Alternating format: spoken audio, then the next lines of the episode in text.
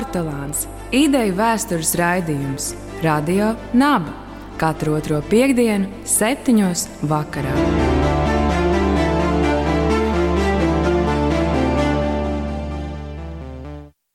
Labvakar, Radio Naba, raidījums Portugāns. Ar jums studijā Rudolf Vitoļņš un mūsu šī vakara viesņa, vēsturniece Ineta Lipša. Labvakar. Tātad eh, jūsu pētniecības saistām ar 20. gadsimta starpkara periodu sociālo vēsturi, īpaši dažādām marginalizētām grupām, un domāju, ka piekritīsiet, ka tieši šīs grupas nereti ir tās, ar kurām citas jau spēka pozīcijās esošas grupas mēdz manipulēt, grozīt, veidot pat tām stāstus, piešķirt lomas, nevis dot balsi pašām. Vai šāda situācija ir attiecinām arī par sievietēm? Un kādi būtu tie vispārīgie bloki, eh, jau šīs lomas, iesildot mūsu sarunas tēmu, tātad, par kurām tiek veidots sievietes tēls. Jā, nu, noteikti sievietes ir viena no tām sociālām grupām, ar kuru centās manipulēt. Nu, kā, kā jebkuru sociālo grupu, kur teiksim, var izmantot e, kā vēlēšana elektorātu, noteikti politiskās partijas un tam līdzīgi. Un te mēs uzreiz varam runāt par e, starpkaru parlamentārās demokrātijas periodu, kad mēs vēlējām, piemēram, parlamentus, saimnes. Tad bieži tāds aicinājums no politisko partiju puses, protams, bija tāda aģitācija sievietēm noteikti iet vēlēt, bet vēlēt eh, par, par, eh, par tiem kandidātiem, par to partiju, ko izvēlas eh, vīrieši viņas ģimenē. Vai nu tas būtu vīrs, vai kāds draugs, vai brālis un tam līdzīgi. Un nevis balsot, piemēram, par kandidātēm sievietēm. Tā kā, nu, teiksim, viens veids, kā šo sociālo grupu izmantoja, tātad ir politiskās demokrātijas, šis politiskais tirgus. Ja. Cita lieta, ka, nu, ja mēs kāpjamies bišķi tālākā pagātnē, pirms Latvijas valsts izveidas, Tad, protams, tas ir latviešu nacionālisma ideoloģija un šī te, kas vērsta uz vidusšķiras, vidusšķiras šo vērtību ieaudzināšanu vai, nu, teiksim, panākt, lai cilvēki paši sevi konstruē tādā veidā, ka šīs vērtības viņiem ir svarīgas, un tad latviešu šeit vidusšķirai svarīgi bija, protams, šīs tradicionālās dzimuma lomas, kas ir vīrietis, kas strādā strādā un darbojas publiskajā laukā, un e, sieviete, kas tomēr tur to e, rūpi par mājām. Un e, tādā veidā tātad šis pamatnošķīrums starp šo publisko un privāto un to, kā, kā sievietei un vīrietim būtu tajā jānavigē, kas, kas kuram būtu jādara. Tātad tāds pareizais priekšstats par kaut kādu ideālo modeli, kā darbojas sabiedrība, un kas vēlāk arī e, caur dažādām politiskām partijām un viņu ideāliem tiek pārnests arī e, parlament, parlamentārajā demokrātijā un vispār Latvijas republikā. Tā kā mēs varam teikt, ka tas saistās ar šo te privāto publisko nošķīrumu un cilvēku priekšstatiem par to, kā konkrēti tam būtu jāizpaužas. Mm, labi, tad tas jau arī ievelk mūsu tālākās sarunas virzienus. Bet vēl tādu ievadu. Uh, Kas tad ir tie avoti, kas ļauj izlobīt gan šo tēlojumu, gan šo reālo stāvokli? Protams, ja mēs runājam par tēlojumu, tātad par tēlu tā ir publiskā komunikācija, kas tolaik notiek pārsvarā ar preses starpniecību, protams, arī grāmatas, literatūra un, un neapšaubām laikam populārākais vai, teiksim, ietekmīgākais medijs un lētākais medijs, protams, ir kino. E, par to ir e, Ingai Pērkonē brīnišķīga grāmata par Latvijas e, kino 20. un 40. gads, un kur viņi stāsta, kādus tad sieviešu šos te tēlus popularizē, nu, teiksim, tā pati Holivuda vai cits, kas te viss tas kino filmas, kas te pat Latvijā bija skatāms un ko arī e, ceļojošie kinoteātri brauc uz Latviju Latvijas novadiem un tā tālāk. Un pilnīgi pietika cilvēkam noskatīties kaut vai vienu filmu mūžā, lai viņš būtu dabūjis kaut kādu to savu priekšstatu par to. E, e, par to tēlu, pēc kā ilgoties, vai, vai kam, kam atbilst, un tam līdzīgi. Un, e, protams, šajās filmās tā, tas galvenais galvenais, galvenā atziņa, ko Inga Pērkona arī raksta savā grāmatā, ir tas, ka nu, sievietes tā teikt, liktenis ir mīlēt un ciest apmēram tā. Nu man uzreiz nāk, man uzreiz nāk prātā rozīša romāns Ceplis, kur mums A. ir tā, šī sabiedriski aktīvā Berta Ceplis, un, un tad mums ir Zīles Jankundze.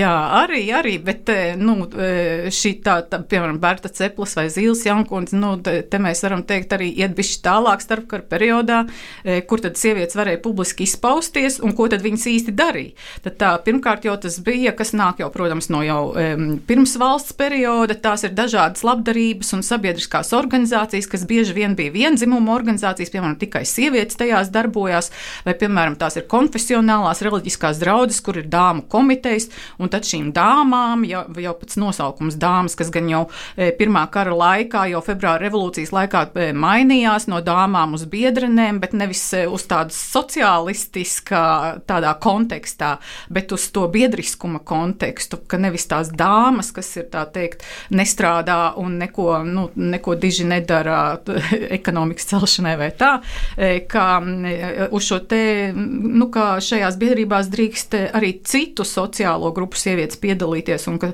starp viņām ir tādas nu, līdztiesīgas attiecības.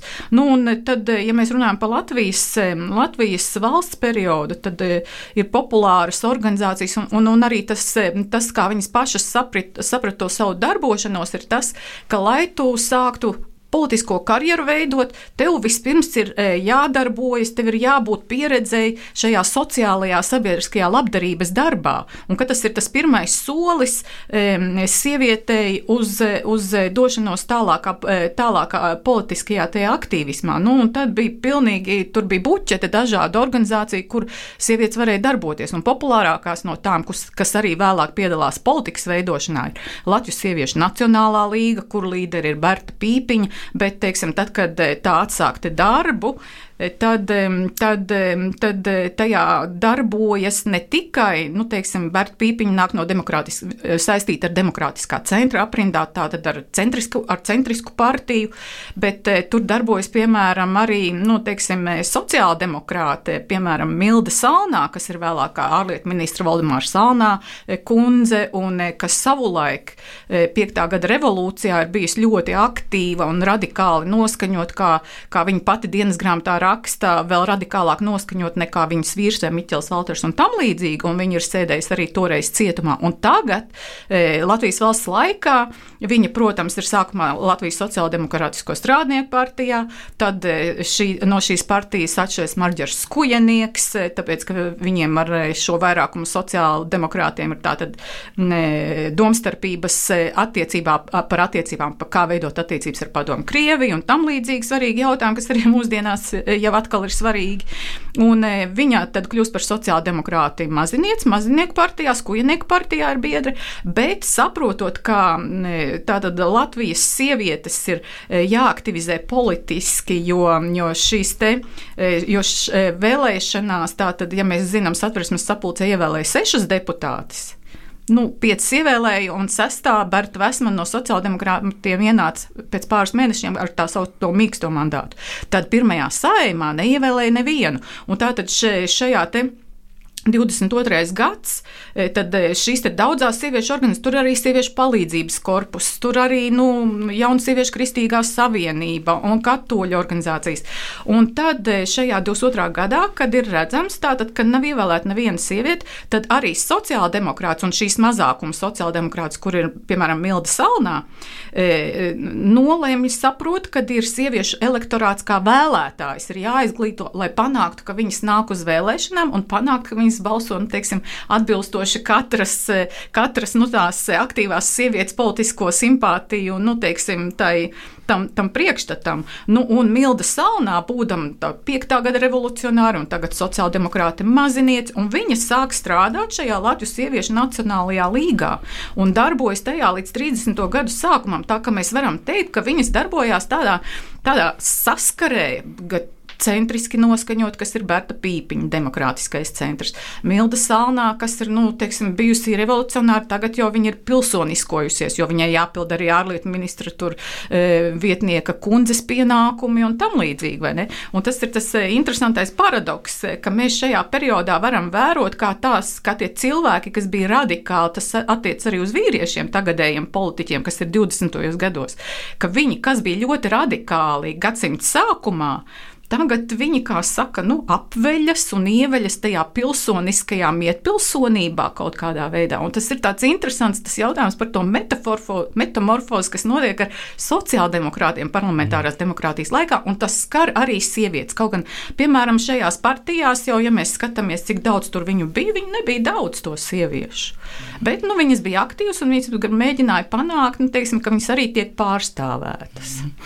Jūs minat uh, Berta Pīpiņa, Milda Salnā. Uh, kas viņas raksturoja? Jūs varat paraksturot izglītību, viņu, no kurienes viņas nāk, izcelsme, varbūt tikai kāds vienojošais viņām. Uh, ko mēs izsacinām varbūt, no tā laika publicistikas, varbūt ir kāda dienas grāmata saglabājusies. Tad kādas viņas bija šīs sievietes? Ir diezgan, diezgan grūti to pateikt, jo es teikšu atklāti, ka es pagaidām neesmu pētījusi biogrāfijas. Tas man pagaidām nav interesējis. Man pirmais, pirmais tas eh, mans uzdevums, kā es to sev formulēju, bija vispirms noskaidrot tos eh, vārdus, eh, kurus vispār būtu jāmeklē tajos dokumentos. Un, ja mēs atgriežamies pie dokumentiem, ko es neatbildēju, tad novirzījos no tēmas, jūs vaicājat par dokumentiem, kur viņas var atrast. Tātad tas viens ir šie mēdī, kas bija, kā, mēs, kā es minēju, kino un, un prese un tam līdzīgi, bet tie citi dokumenti ir šo organizāciju sēžu protokoli pārsvarā.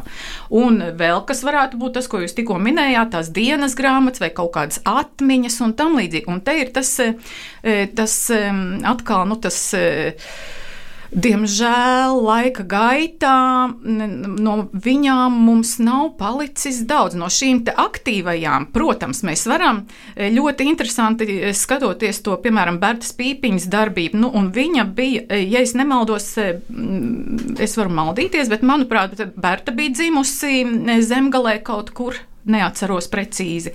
Klāra Kalniņa, piemēram, populārā sociāldemokrāta, arī nāk no zemgales, Milda Salnā neatceros no kurienes, bet eh, kas viņus vienoja tas, ka E, e, piemēram, Klāra Kalniņa un Milda Salnā tātad nāk no šīs e, sociāldemokrātiskās strādnieku kustības jauno jauno, tā teikt, Tad pilsoniska vide tā ir. Ja?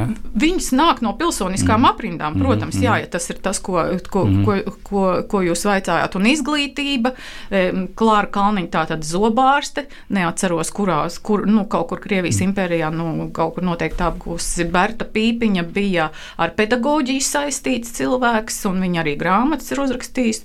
Un e, Milda Salnā savukārt, e, Milda Salnā faktiski tā arī palika tādā, viņa bija e, propagandiste savu laiku partijā, un arī tagad no tā, to vārdu propagandiste, kas mūsdienās jau ir tāds no tādu negatīvu absolūtu pieskaņu, tajā laikā lietoja absolūti kā normāli, piemēram, kā sabiedrisko attiecību speciālists. Tas bija, vai ne, tas, tas ko mēs šodien sakam, sabiedrisko attiecību speciālists, viņa teica, es esmu propagandiste. jā, tieši tā, jā, jā, jā. Un viņa strādāja arī, nu, partijas presē. Un viņa bija arī vienīgā sieviete redaktore 31. gadā, un, un, un dažus gadus vēlāk vienīgā sieviete, kas politiskajā presē bija redaktore. Tas arī bija tāds tā kā, e, sasniegums. Un, nu, bet, e, nu, interesants un e, par tām atmiņām, kas palikušas. Piemēram, nu, e, skatāmies, ja mēs ņemam Mildu Salnu, ārkārtīgi interesantas liecības, kas, protams, nav tāds, ka atmiņas lapusēm garas un tam līdzīgi. Milda Salnā pati ir uzrakstījis par šo te. E, e, Stanfordā, eh, Hoover arhīvā Ēriks Jēkabsons ir arī publikācija bijusi Latvijas vēstures institūta žurnālā, vēstures avots sadaļā, šo te viņas dienas grāmatu par 5. 6. gadu, kur viņa, nu, teiksim, pēc revolūcijas bēg un kā viņa jūtas un kā viņa atbrauc atpakaļ un tam līdzīgi tāda ārkārtīgi svarīgs un, un būtisks materiāls. Nu, tā tad ir kaut kāda daļa, ko viņa pati ir rakstījusi, bet tad ir interesanti arī, piemēram, vēstules, kas ir publicētas. Bija tāds eh, Jānis Ozols, eh, Krievijas impērijas valsts domas laikā viens no eh, Latvijas deputātiem tur valsts domē, un viņš pēc septītā gada emigrēja uz Ameriku kopā ar savu dzīves biedru Henrietu Ozolu, un, protams, ka viņi visi bija savā starpā saistīti, un Henrieta Ozola sarakstījās šeit Latvijā ar Bertu Vesmani un, un, un, un, un un, un, un, un, un šito dermaņa sievu draugu viņu sauca par Jetiju, sarakstījās, un tad vienā vēstulē Berta Vesmane un, un šī Jetija Hermaņa, tas ir dermaņa sieva, apraksta, kas tas šeit 20. un 21. gadā notiek, un tad viņi saka, nu, kad mūsu milda ir kļuvusi tāda ļoti iedomīga, sākusi smiņķēties, steigā ar jātnieku pātadziņu par Rīgas jūrmalu, satiekas dzīvo vienā namā ar Rīgas e, prefektu da, e, un, un, un, un vispār ar ministriem, un, un vispār viņa ir LTA, tātad e, Latvijas telegrāfa aģentūras direktora palīdze, un, un, un, un, un viņai tur uzsauc dzīves visādi ārzemju žurnālisti, kuri, nu, var sakot, tās Krievijas ziņas caur LTA iet uz ārzemēm, un ka, nu, ka viņai nu, tagad ir tāda rocība, un ka vispār, nu, ka vispār te Latvijā, ja mēs skatāmies uz tiem sociālistiem, nu, tad, tad viņi vispār ir tādi jocīgi palikuši. Tur eh, visi skūpsta sievietēm rokas, un, un, un ka man tas nav pieņemams. Tā Henrieta Dermans saka, tas man nav pieņemams, un es domāju, ka turpmāk nekādas tādas e, draudzēšanās nevarētu būt. Bet Klāra Kalniņa, nu tā ir iedomīga, bet viņa vienmēr ir bijusi tāda iedomīga, un arī viņai patīk štātēties un tā tālāk. Un, un viens no tiem pārmetumiem, piemēram, presē, kas 20. gadu sākumā arī bija, jo Klāra Kalniņa uzreiz bija viena no politiķiem, un tur bija tā problēma, ka šajā partijā, sociāldemokrātijā partijā, e, Kalniņa taču bija trīs no vienas ģimenes - Bruno Pauls, e, tātad e, saimta priekšsēdētājs un pati Klāra. Un tad, kad 22. gadā uz pirmās saimtas vēlēšanām partijas centrāla komiteja lēma, ko tad mēs virzīsim, tad teica, nē, mēs trīs kalniņus nevaram virzīt, vienam jāatkāpjas. Neviens ar, ar labu neatkāpās, un tad Klāru izbalsoja. Viņi bija diezgan nu, sarūktināti, un, un šajās vēlēšanās tā, tādēļ arī nepiedalījās. Kurš izbalsoja? Kā tas notika? Varbūt tikai detaļa? Te, to nevar, tā, tāds pieraksts tāda nav, bet vienkārši mēs redzam presē, nu, ka centrāla komiteja tomēr, nu, viņi, mm. nu kā, nu, partijas pilnsapulcs kaut kāda, mm. vai nu tur birojas, vai centrāla komiteja, vai, vai kāda pilnsapulcs vienkārši lika uz balsošanu, tad kuru ņems, nu, Klārai, nu, Klārai neveicās tajā balsojumā. Nu, un viņai vienmēr, pēc tam jau viņa politikā atgriezās, un pārējie turpmāk viņa kandidēja, jo, kā mēs zinām, tad sieviešu tā kandidāšu izvirzīšana izrādījās nav bīstama vīriešiem. Tā viņas e, tika izsvītrotas, lai arī ar ārkārtīgi mazu to procentu. Un īstenībā, kas ir paradoxāli, ka tas, e, nu, teiksim, ja mēs redzam e, tos svītrojumus, un, un, un to, to ir, viņi ir analizēti divos gadījumos, 25. un 31. gadā Rīgas vēlēšana apgabalā, un, un līdz ar to tur var šo to savilkt, bet kopumā tas parāda, ka ārkārtīgi mazs vēlētāju skaits svītroja, ka principā mēs varam nosaukt eh, Latvijas vēlētājus par feministu nāciju tādā ziņā. Jo tas ir, nu, tā kā viņas neievēlēja, bet tie, tie, tie cilvēki, kas viņas izsvītroja, viņi bija absolūtā mazākumā. Nu, un atgriežoties pie Klāras tad, un, un, un viņas tās politiskās darbības, tad vienmēr politiskie konkurenti viņai pārmeta to, ka viņa ir pārāk glīti ģērbusies, pārāk labs apģērbs, cepure tur tāda, nu, vārdu sakot, ka viņa neatbilst tam tēlam, un arī ironizē, ka lūkus strādnieku sapulcēm Klāra iet, nu, tur ģērbusies tā bišķiņa tā pieticīgāk, bet, nu, tur kaut kādā rautā, tad, nu, tur uzzīmēta ar spalvām, spalvām rotā cepura un tam līdzīgi. Kā veidots pretstāsts no pašas sieviešu puses? Kādos mēdījos šī cīņa tiek izcīnīta? Pirmkārt, jau, protams, mēs skatāmies uz eh, drukāto presi. Un e, atgriežoties arī nu, teiksim, pie tā, nu, kur mēs varam e, rast tos materiālus, piemēram, par Bertu Pīpiņu vai Mildu Salnošu, par šīm populārajām politiķiem, viņas ir diezgan, nu, jā, jāsaka, pārsteidzoši. Es biju pārsteigta, kad es, e, kad es sāku rakstīt, kā saka, bibliogrāfiju katrai no viņām, lai spētu labāk orientēties tajos viņu stāstos.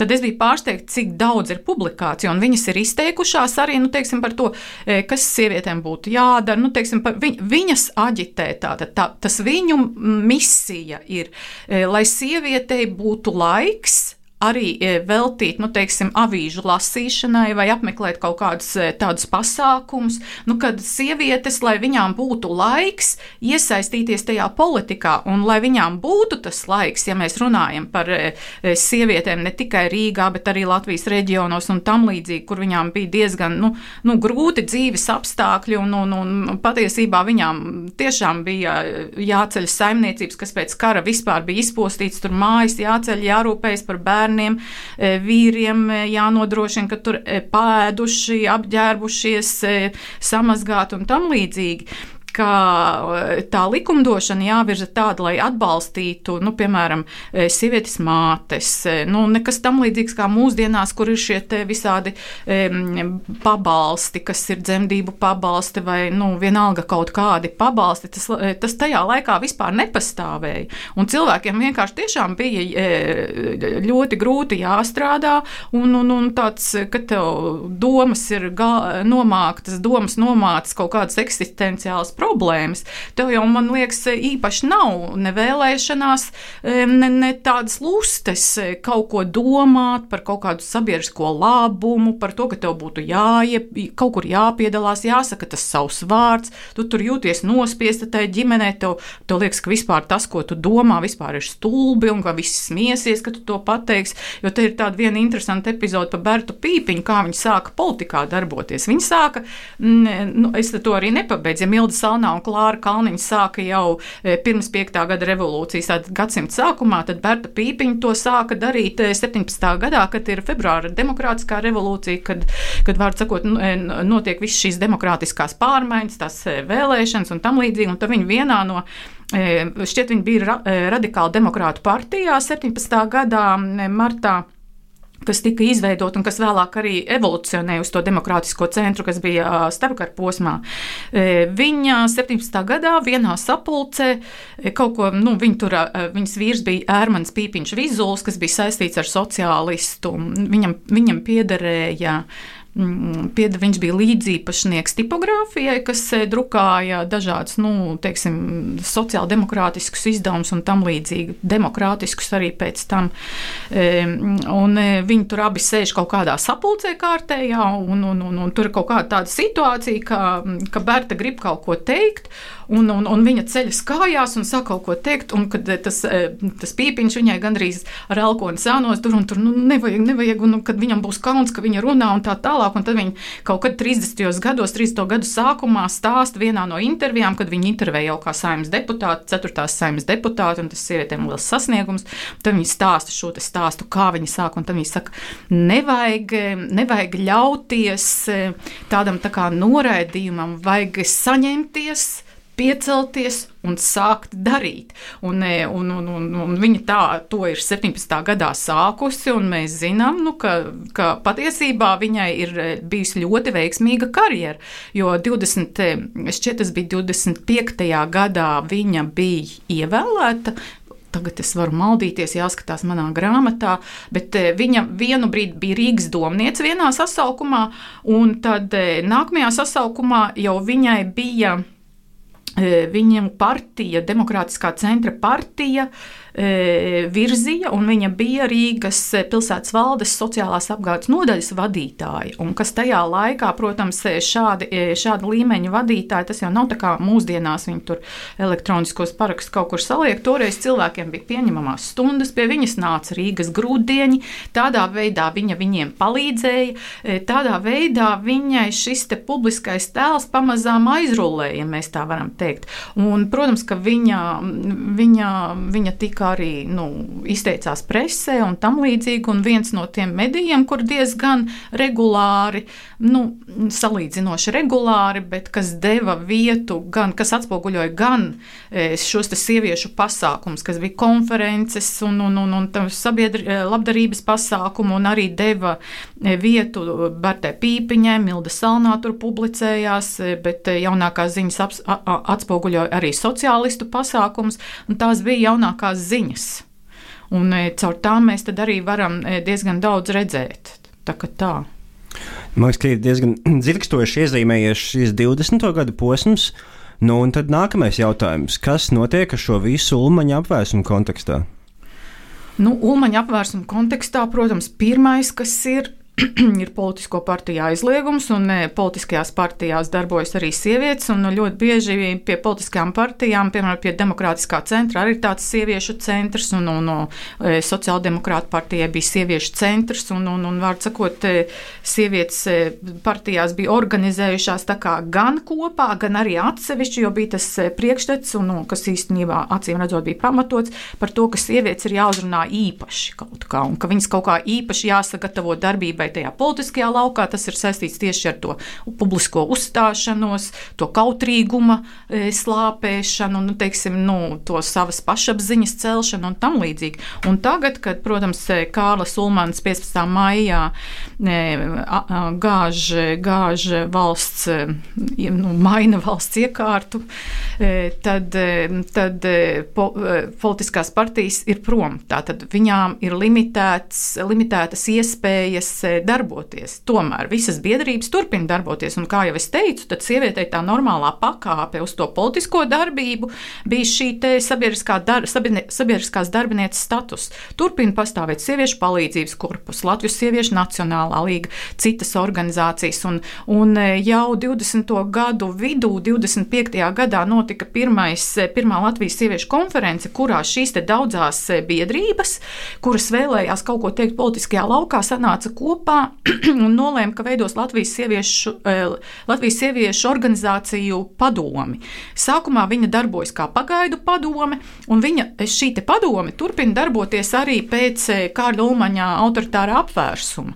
Un, protams, ka pirmajos mēnešos ir tāds, to jau mēs redzam arī pēc organizāciju sēžu protokoliem, kā pirmajos mēnešos ir tāds nogaidīšanas posms, nu, ka viņas tā arī e, runā. Tur Berta Pīpiņa ir viena no galvenām runātājām, tur ir Anna Rūmana ķeniņa.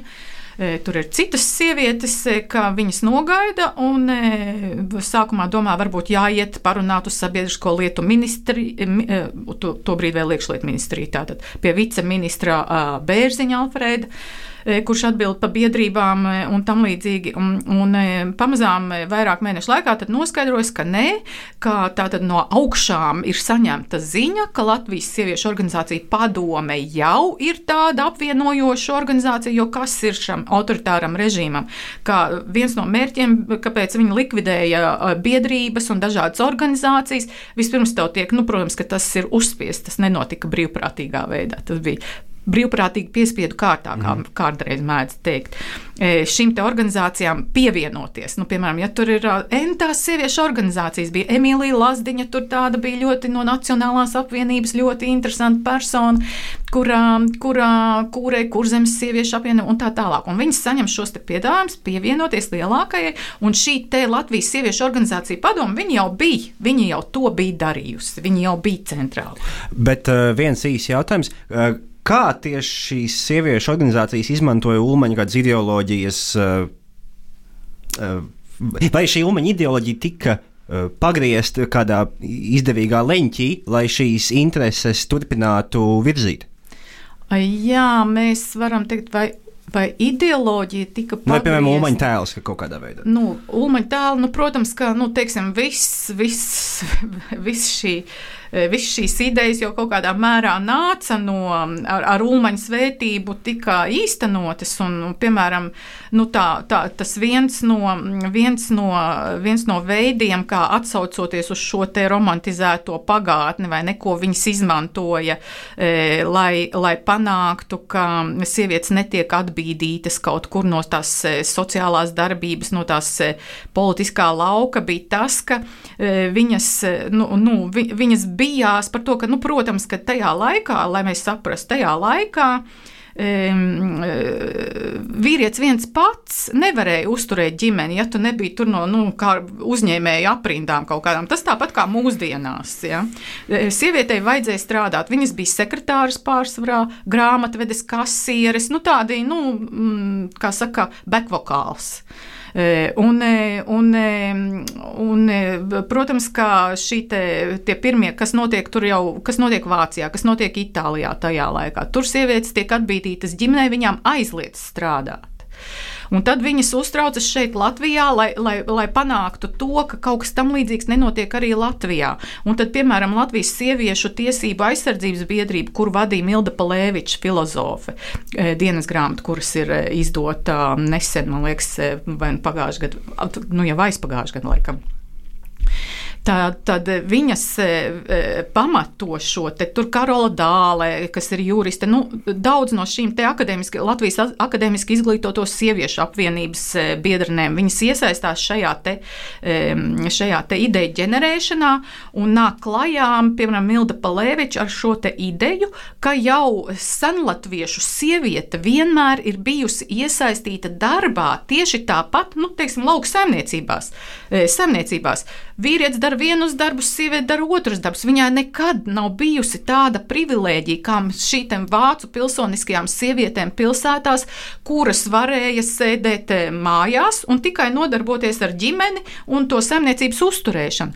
Bet latvietēm eh, lauka saimniecībās vienmēr ir bijis jāstrādā. Un varbūt viņas būtu gribējušas pat nestrādāt, bet viņām vienkārši tādas iespējas nekad nav bijušas. Un viņas te atsaucās uz šo seno latviešu tikumu, ka Latvija lieta nav tikai kaut kāda tur rotas, rotaļlieta vai būtne kaut kāda, kas, e, kas tā teikt izdveš skaistumu uz visām pusēm, bet ka latviete ir e, vienmēr iesaistījusies līdztiesīgā darbā ar vīrieti un ka tā tam arī būtu jāpaliek. Un patiesībā, ja mēs tā skatāmies, tad e, to gan, teiksim, statistika rāda, ka Latvija bija laikam viena no valstīm vai nu pat tā valsts, kurā bija vislielākais strādājošo sieviešu skaits, un ka īstenībā viņu e, izņemšana no darba tirgus e, radītu diezgan e, kaut kādas nepatikšanas ekonomikai, ka tad, teiksim, arī tas ir ekonomiski aprēķins var būt. Bet fakts ir tāds, ka, nu, principā tādi likumi Latvijā netika pieņemti, un es domāju, ka lielā mērā tas ir arī šo te Latvijas akadēmiski izglītoto sieviešu apvienības nopelns un, un Latvijas sieviešu tiesību aizsardzības biedrības nopelns fonds un Latvijas sieviešu organizācija padomas. Mēs te varam saukt tās biedrības, kas bija ļoti, e, ļoti aktīvas un, un, un jau šajos 20. gados viņas jau bija izstrādājušas savas taktikas un stratēģijas, kā darboties šajā politikas laukā, kad tu neesi tieši pārstāvēts parlamentā vai pašvaldībā. Atcaucoties uz jūsu kādu rakstu, e, kur jūs rakstat par e, sievietes tēlu veidošanu Kāļu Ulmaņa režīmā, uh, Jūs minat, ka tur parādījās tomēr tāda ideoloģiskā iezīme sieviete vai nu mājās, vai sieviete tomēr sociāli aktīva. Tas, ko mēģināja panākt visas šīs sieviešu biedrības, bija tas, lai sievieti māti vērtētu tieši tāpat, nu, kā, kā jebkuru citu pilsoni. Un tad, kad, tad, kad teiksim, tie mātes pienākumi atļauj kad bērns jau ir izaudzis kaut, nu, kaut, kaut kādu vecumu sasniedzis, ka viņa, ka viņa iet un piedalās šajā nu, politiskajā dzīvē, un sociālajā dzīvē, un sabiedriskajā un labdarības darbā. Jo mēs te varam nu, pieminēt tā pati Berta Pīpiņa, viņai bija trīs bērni, šķiet, ja es pareizi atceros. Tāpat Mildai Salnai bija dēls, viens bija miris mazā vecumā.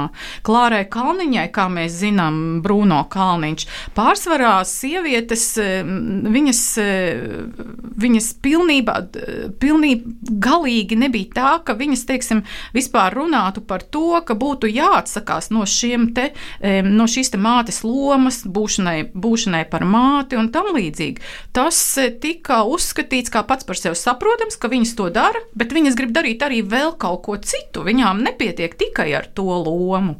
Tas ir tas galvenais stāsts gan 20. gados, gan arī šajos Ulmaņa autoritārā režīma gados. Ka tas ir stāsts, ka mēs negribam palikt tikai šajā lomā. Mēs gribam darīt arī vispārējo, tāpat kā vīrieši ir tēvi, politiķi, ministri, deputāti un Nu, sievietes vieta ir tur, kur viņai ir jā, jāpiepild šī viena misija. Jā, nu, Tas tādas, varētu būt tā, tāda intonācija, varētu ieskanēties bija, bija, laikā. bija, un arī parlamentārās demokrātijas laikā bija tādas intonācijas, un starp citu ne tikai no, es pat eh, nepamanītu pat vairāk netik eh, ļoti no vīriešu puses, īpaši parlamentārās demokrātijas laikā, nu tā, eh, tas tā tik nu, salīdzinoši tā otrā plānā ieskanējās, bet, piemēram, arī no sieviešu puses, piemēram, bija tā žurnālista Arvīda Muha. Kas strādāja, viņa savulaik ir strādājusi avīzē Latvijas un Latvijas sargs, un tās ir tā nacionālās, ar Nacionālo apvienību saistīts avīzes Arvedberga vadīta, piemēram, Latvijas. Un tad viņai, un, un viņa pati bija neatkarīga savā ziņā, sieviete, protams, viņa arī bija māte, viņai bija bērni, un, un, un, un, un vīrs, kas bija armijas virsnieks, Latvijas armijas virsnieks, un, bet viņai tomēr, viņa, es esmu lasījis viņas dienas grāmatu savulaik, viņas pēcteči iedeva man izlasīt. Un es tajā dienas grāmatā, viņa dienas grāmatā tiešā tekstā raksta, ka jā, es citām sievietēm iesaku, ka nevajag to, nu, kad vajag palikt tajā ģimenē, uzturēt to ģimenes pavārdu, nodarboties ar saimniecības lietām, nevajag iet tajā, nu, teiksim, tajā aktīvajā darba dzīvē, jo, bet kāpēc viņa tā saka? E, viņa gan pati saka, ka es pati to nespēju izpildīt, man ir vajadzīgs šis ārpus, ārpus ģimenes darbs un, un ka tas ir nu, viņai ļoti svarīgs.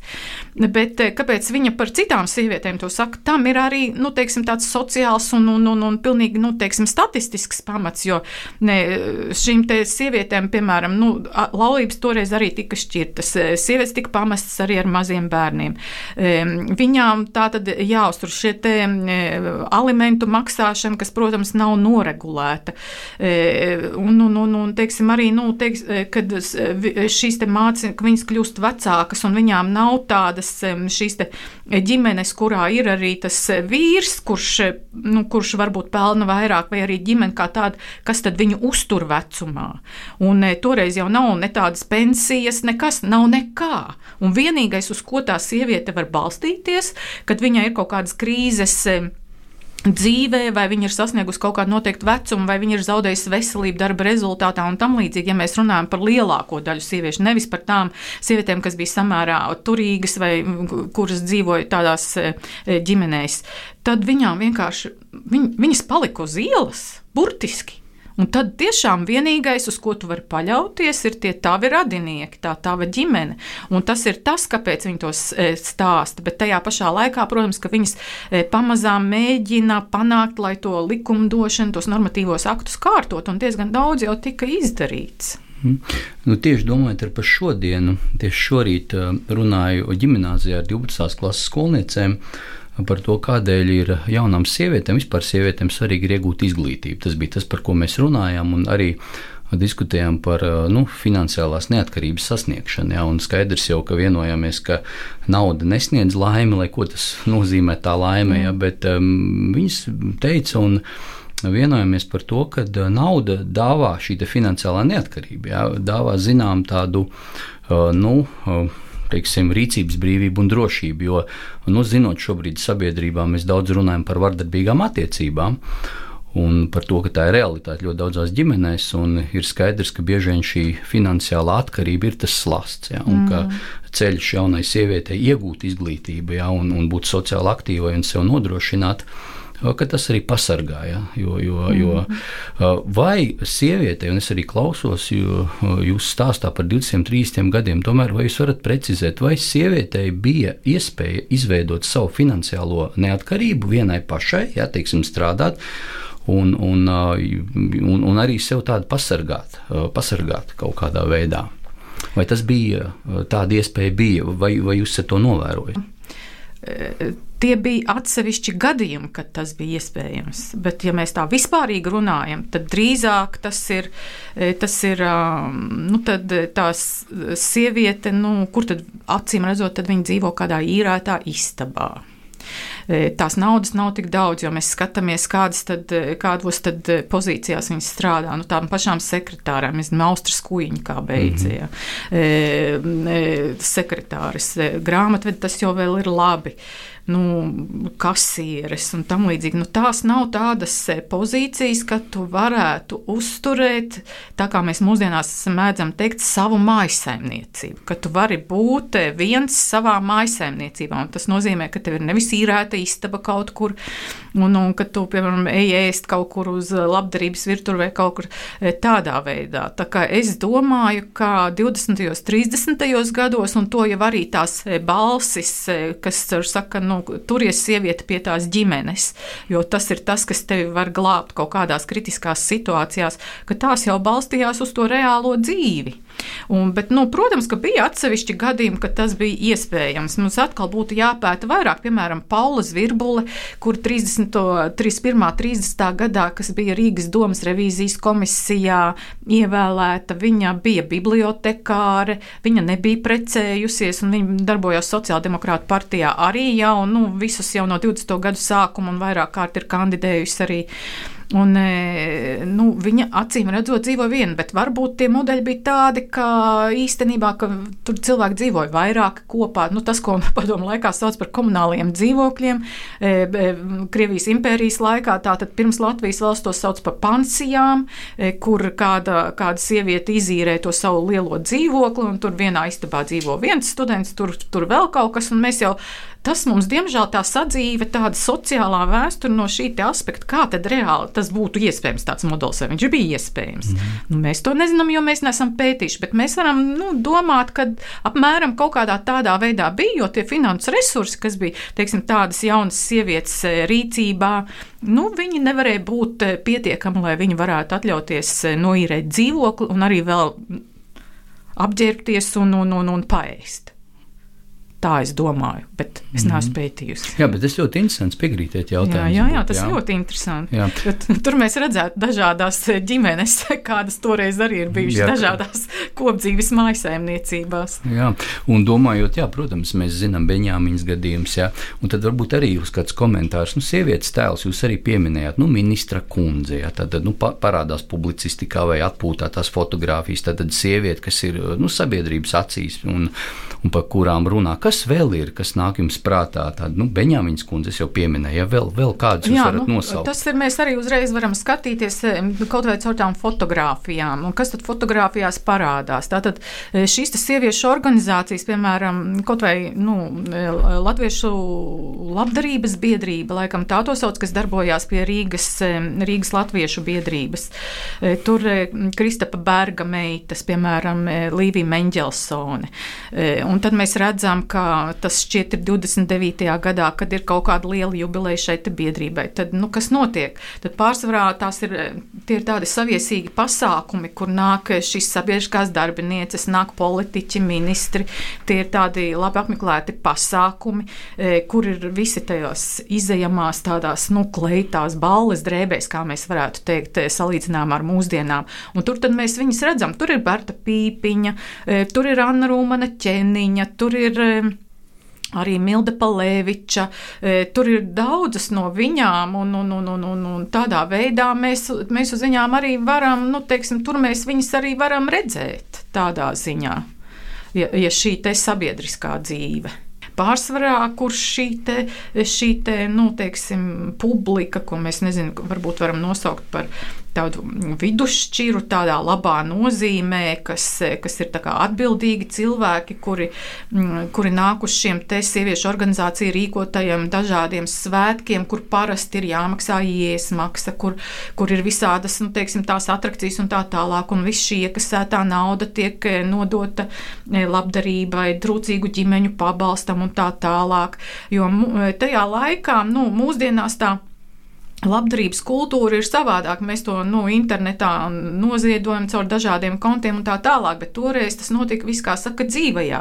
Bija pasākumi dažādi. Un kaut vai tās pašas preses balvas, kas preses balvas tika rīkots, lai pabalstītu Latvi, Latviju rakstnieku un žurnālistu e, biedrību un viņu sigultas pīli un tam līdzīgi. Un Emīlija Benjamiņa jau viņas, e, kā saka, e, neusturēja. Viņa vienkārši savu menedžeru talantu ieguldīja, bet tur viss viņa, viņa ne, neziedoja naudu šiem mērķiem nekad.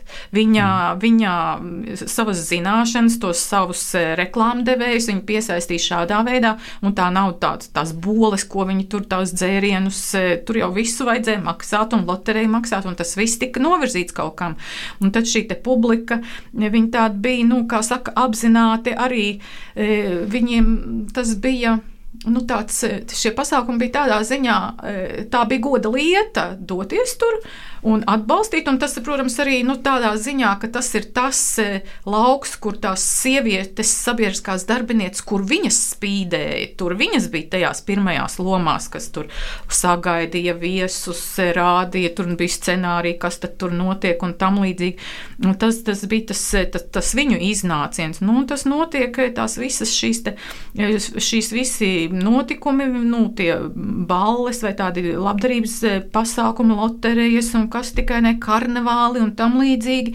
Tas šo te ziedošanas kultūru tādā dzīvajā uzturēja starp starpkaru Latvijā, un galvenās menedžeris šajā ziņā bija tieši sieviešu mm. organizācijas un sievietes sabiedriskās darbinieces. Jā, jo ir interesanti, ka pirmā latviešu sieviešu organizācija, kur tika dibināta 1891. gadā, tā bija atturības biedrība Auseklis. Tā ir, jā, tā ir dāmas komiteja, un interesanti, ka tās mēģis bija modināt latviešu sievietē garīgās tieksmes un attīstību. Tā viņas to formulēja, tāda atturības biedrība. Uh, tad, tad runājam par tādām, nu, teiksim, likumības lietām arī. Ko jūs dzirdat, kad es saku 23 gadi, sieviete, vai vispār bija diskusija par šiem jautājumiem, varbūt kāda pārmetuma, varbūt kāda, es nezinu, kontroversāla situācija. Tad, tad sieviete.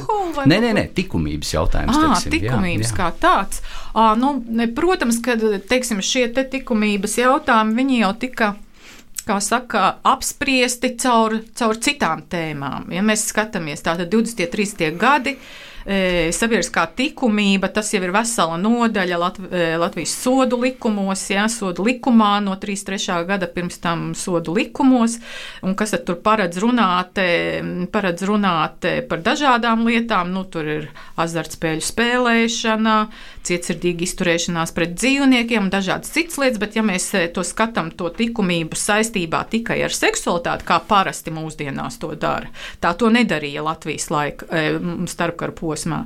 Ja mēs skatām to ar seksualitāti, tad, protams, tas ir prostitūcijas jautājums. Par to, nu, piemēram, 20. gadu sākumā, tātad pēc neatkarības kara jau, nu, kad, kad, kad te jau Rīgā darbojas tātad šie te atklātie nami, tad spriež ļoti, tās diskusijas ir ļoti tādas ekspresīvas un, un, un aktīvas, jo, nu, atkal tā atšķirības starp mūsdienām, ja, kad mūsdienās tu atkal vari kaut kādos e, aplikācijās vai, vai kā to sauc, e, arī, e, nu, teiksim, ja, tev, ja, ja, ja, cilvēka, ja cilvēks grib e, pirkt seksu, tad viņš to var izdarīt neizejot no mājas. E, tajā laikā, 20. gados, nu, tas nebija tā iespējams. Tad, e, prostitūts, piemēram, stāvēja tepat Vērmanes dārzā, vai viņš stāvēja uz Marijas ielas, kas pazīstamāk, vai vēl kādos Kalē ielā, vecrīgā, kas bija tie rajoni. Un skaidrs, ka nu, viņas, viņas uzrunāja tos potenciālos klientus. Un, protams, ka tas izraisīja nu, saka, nepatiku un, un tādas dusmas un tādu agresiju nu, cilvēkos, kas tur apkārt bija. Jo viņas, nu, lai piesaistītu savu uzmanību, viņas attiecīgi izturējās un tam līdzīgi. Un tad tur viss tās runas par to ka to bērni redz, un tā, un tā tālāk, un tā tālāk. Un, protams, ka tā tad viena no tām tēmām ir prostitūcija, caur ko spriež, un tad e, e, sievietes, sievietes, sieviešu organizācijas šajā apspriešanā iesaistās ar to, ka prostitūcija ir jāaizliedz. Un, un, un, un ir sašutušas, ka prostitūcija netiek aizliegta, jo, kā mēs zinām, Latvijā tā bija legāla 20. un 30. gados. Vienkārši, ja tu ievēroji attiecīgos noteikumus, tad eh, prostitūcija bija legāla lieta. Eh, eh, nākamais jautājums saistībā ar šo likumību un seksualitāti ir abortu jautājums. Un te atkal ir tāds, tāda interesanta lieta, ka Tātad, ko sievietes mēģināja panākt? Nu, kā, tātad 20, 30 gadi kontracepcijas līdzekļi ir tādi, nu, kā saka, ļoti pieticīgi. Un tajā laikā abortu, uz to abortu skatās savādāk. Uz to skatās tā kā uz tādu nu, zin, kontracepcijas līdzekli gandrīz. Ja. Nu, un, e, un skaidrs, ka ir e, liela strādnieku masa. Ir cilvēki, kuriem ir tie mazie ienākumi, bet kur, kur ir ģimenes, kur ir mātes. Mēs, piemēram, esam lasījuši tiesas bankas atmiņu grāmatu, ka palasam vienkārši matis stāv uz ceļas, kā viņi tur ir gandrīz vai nu, ne, šausmīgi daudz bērnu ģimenē vienā istabiņā dzīvojuši, un ka tie bērni nāk un nāk klāt. Ja, un, un kā nu, tām sieviešu organizācijām tas, tā ideja ir tāda, ka, nu, ka, nu, ka nevajag radīt bezgalīgi daudz bērnus, bet vajag uzturēt un izglītot un audzināt, dot labu audzināšanu nu, kaut kādam noteiktam skaitam bērnu. Kaut, nu, un, un līdz ar to e, ir te, šī te ideja par to, ka vajadzētu, un, bet, protams, kā e, aborts bija aizliegts e, līdz pat 32. gadam. Un tātad 30. gadu sākumā ir šī ideja, ka vajadzētu legalizēt abortu, kas ir izdarīts sociāla apstākļu dēļ. Nu, domājot tieši par šiem te, nu, cilvēkiem, kas dzīvo ārkārtīgi sliktos apstākļos, tādu Latvijā bija daudz. Par to mums mūsdienās nav pieņemts runāt, mums tas romantiskais priekšstats par starpkaru Latviju. Un tā tad, kas ir tas interesantais, ko es gribu pateikt, ka Latvija tā tad ir pirmā valsts, nu, pirmā, protams, ir Padomju Savienība, bet ja mēs runājam par, par demokrātijām, ir pirmā valsts Eiropā, kurā 32. gadā parlaments pieņem šos grozījumus sodu likumos, kur atļauj izdarīt abortu arī sociālu iemeslu dēļ. Un nu, tad mēs atkal, atkal par to, par to tā mana ideja par to, ka Latvijas, Latvijas politiķi vai ne Latvija ir, ir bijuši sa, savā ziņā feministiski. Jo, padomājiet, tu pieņem 4. saima, kurā ir 99 deputāti un viena deputāte. Un tas, un tas rāda, ka tātad šie deputāti, kas lielākoties ir ģimeņu tēvi, lielākoties. Un kuri, par, nu, aiz kuriem stāv partijas, dažādas un tam līdzīgi, ka tātad šis absolūtais vīriešu dominējošais vairākums, ka viņi uzskata, ka tas ir svarīgs ka tas ir svarīga lieta, ko izdarīt. Un Latvijā tas tiek pieņemts 35. gadā, kad Ulmaņa autoritāra apvērsumā šie grozījumi tiek atkal atcelti. Un tādā veidā mēs, e, otra valsts, tātad, man liekas, ir Zviedrija, kas 38. gadā pieņēma līdzīgu to normu.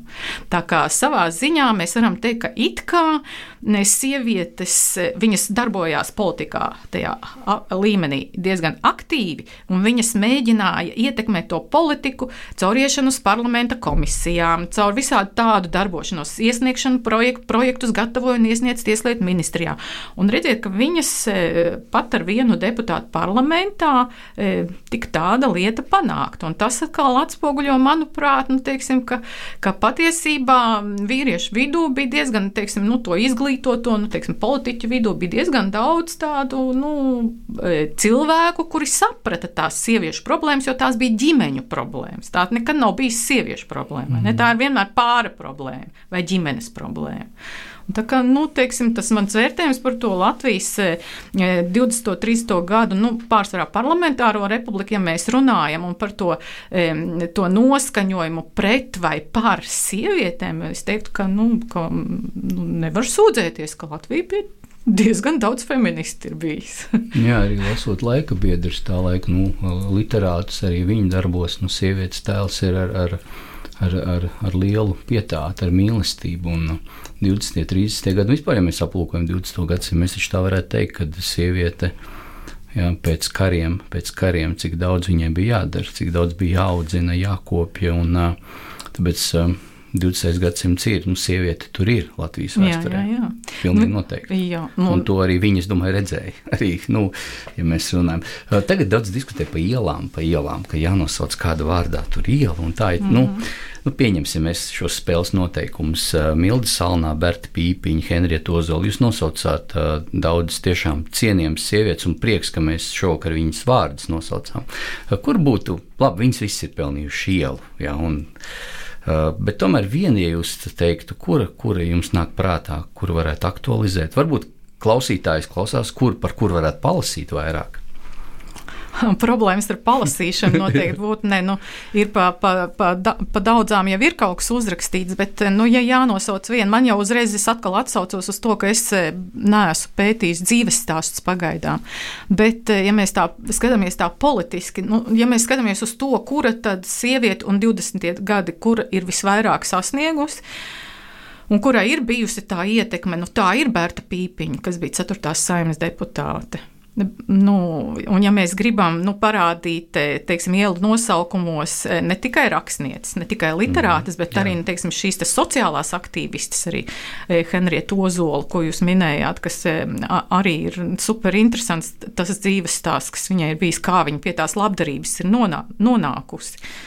Nu, tur būtu vesela plējāde, ko, bet, ja ir jāizvēlās viena ar tām zināšanām, kas man šobrīd ir, tās noteikti paplašināsies. Un pēc gada es varbūt atbildēšu savādāk. Tad šobrīd es teiktu Berta Pīpiņa. Viņai arī ir īpaša vieta jūsu jaunajā grāmatā. Jā, viņai ir īpaša vieta. Viņai ir īpaša vieta, to mēs redzam, neatverot pat grāmatu. Jā, vāku, jo grāmatas, grāmatas apvāks ir 4. saimas deputāta tāds portretu plakāts, un tajā locījuma vietā viņi sanāk tieši kreisajā stūrī pasā, pašā augšā. Un, un ironiski, ka Kārlis Ulmans ir uz pēdējā vākā mm. tajā galā, kā saka. Mm. Jo interesanti, ka 31. gada vēlēšanās Berta Pīpiņa bija populārāka par Kārlu Ulmanu visos vēlēšana apgabalos gabalos, kuros viņi startēja. Viņa, to viņa panāca, nu, neatlaidīgi darbojoties. Un 25. gadā, kad viņa Rīgas domē strādāja, tad daudzi no kolēģiem, vīriešiem viņai nevēlējušies dot roku. Vispār interesants ir stāsts, kā viņa jutās kā viena 99 vīriešu deputātu vidū. Viņa taču bija pirmā, nebija nekāda ne uzvedības parauga, ne modeļu, kā kaut ko, ar ko viņa tur runāja, tikai ar savu, ar Gustavu Zemgalu, kas bija viņas eh, nu, frakcijas biedrs un, un vēl, vēl, vēl viņas frakcijas biedrs. Tas mm, arī tāds tas interesants jautājums jautājums. Ceļš, jā. Jā. Inete, paldies jums liels! Paldies, paldies par interesantu sarunu, ka atradāt laiku atnākt. Jā, liels paldies! Un noteikti izmestie āķi vēl kādai citai potenciālai sarunai nākotnē. Paldies! Jums Portugāns atgriežas pēc divām nedēļām.